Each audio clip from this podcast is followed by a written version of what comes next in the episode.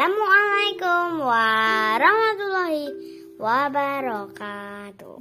Selamat pagi teman-teman. Selamat pagi, teman-teman. Kita mau belajar tentang dua hal. Yang pertama apa? Kalimat tayyibah yang kedua menceritakan menjemput orang sakit. Nah, yang pertama kita mau belajar tentang kalimat thayyibah. Ada arti dan waktu loh yang tepat untuk mengucapkan kalimat-kalimat thayyibah itu.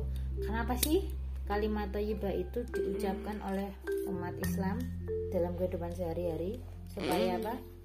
Selain mendapat pahala, kalimat thayyibah juga, membuat kita menjadi tenang. Terus bagian dari zikir. Nah, kita kalau bisa tuh setiap hari mengamalkan senantiasa mengingat Kalimat tayyibah. mengingat Allah oke nah apa aja sih kalimat thayyibah itu ada berapa coba Ada 10 Masya Allah. banyak ya ternyata ya nah Oh. daripada kita bicara yang daripada kita bicara yang kotor mendingan kita Bicara yang baik. bicara yang baik dan kalau melihat sesuatu kita ucapkan dengan kalimat thayyibah. Nah, yang pertama apa ya?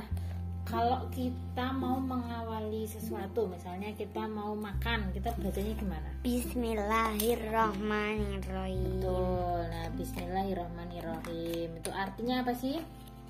Dengan nama Allah yang Maha Pengasih lagi Maha Penyayang.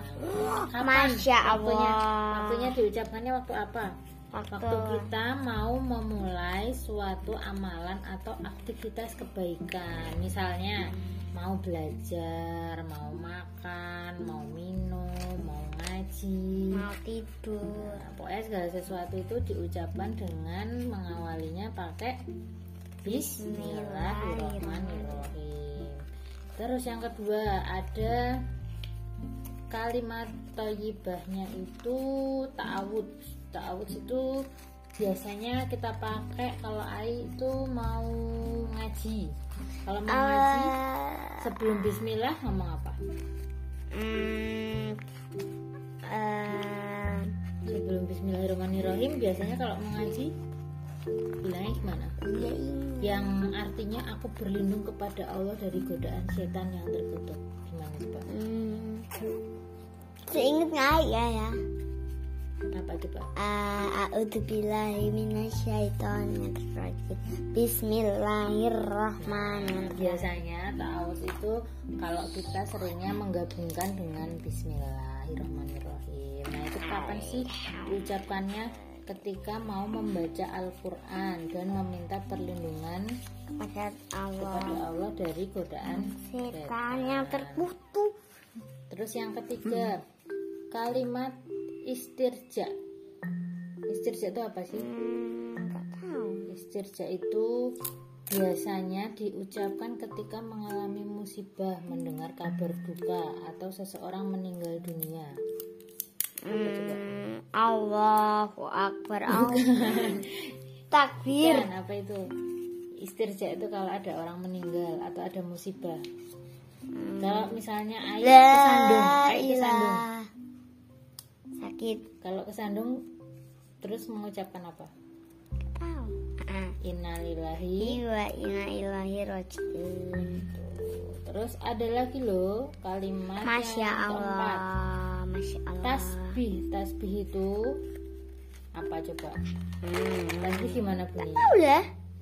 Ketika kita merasa kita merasa heran terhadap sesuatu, terus membuat kita merasa apa ya? nggak pantas gitu. Kenapa ya?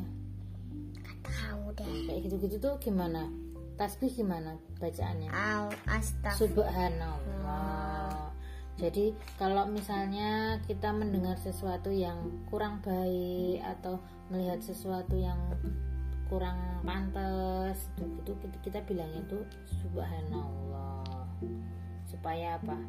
Supaya kita itu bisa merasa apa diingatkan diingatkan untuk kembali kepada Allah. Subhanallah maha suci Allah. Karena yang benar-benar suci itu hanyalah Allah. terus tahmid. Tahmid itu bacaan untuk memuji Allah. Apa coba? Tahmid itu mengucapkan syukur kalau kita mendapat sesuatu. Hmm, apa? Bismillah. kalau kita mendapat sesuatu kita bersyukur kita bilang apa? Hmm, Alhamdulillah. Betul, alhamdulillah. Rabbil alamin. Ar-rahmanir-rahim. terus? Maliki surat al-fatihah. Terus yang selanjutnya? Kalimat takbir. Allahu akbar. tahu Allah nggak artinya apa? Akbar. Allah maha besar diucapkan ketika kita melihat tanda kebesaran dan keagungan Allah. Masya Allah. nah, terus ada lagi loh kalimat tahlil. Tahlil itu gimana? Astagfirullah. tahlil. Tahlil itu gimana? Kalau Ai lagi lihat ada orang meninggal digotong-gotong itu bacanya gimana biasanya? Takbir, tahlil tahlil. atau ada orang yang lagi meninggal terus ada doa bersama di rumahnya biasanya yasinan itu pakai tahlil tahlil itu gimana Eh, eh, eh, seingatnya ya. Eh, la ilaha Iya, iya, iya, ingat. La ilaha illallah. karena itu buat mengingatkan kita bahwa ala Tuhan selain Allah, Nabi Muhammad, utusan Allah. terus ada lagi haukolah haukolah itu Haukola. haukolah itu gimana biasanya diucapkan ketika seseorang menghadapi tantangan kesulitan atau sesuatu yang berat biasanya Ai itu baca ini kalau misalnya pergi keluar rumah Hmm, mirip. apa coba Eh, la hawa wa la quwata illa billah. Terus ada lagi istighfar. Istighfar itu kalau mohon ampun sama Allah. Astagfirullahaladzim Astagfirullahaladzim Betul. Terus yang terakhir ada kalimat salam. Gimana salam? Assalamualaikum warahmatullahi wabarakatuh Oh itu tadi kita udah ngucapin waktu pertama kan Nah, itu tadi udah ya teman-teman tentang kalimat thayyibah. Nah, Dan sekarang kita, mau belajar belajar tentang menjenguk orang sakit Nah, kalau karena kita sekarang lagi apa? Lagi pandemi kayak gini, berarti kalau ada orang sakit tuh kita jenguknya harus gimana ya? Kalau Ai itu pernah nggak jengukin orang sakit di masa pandemi?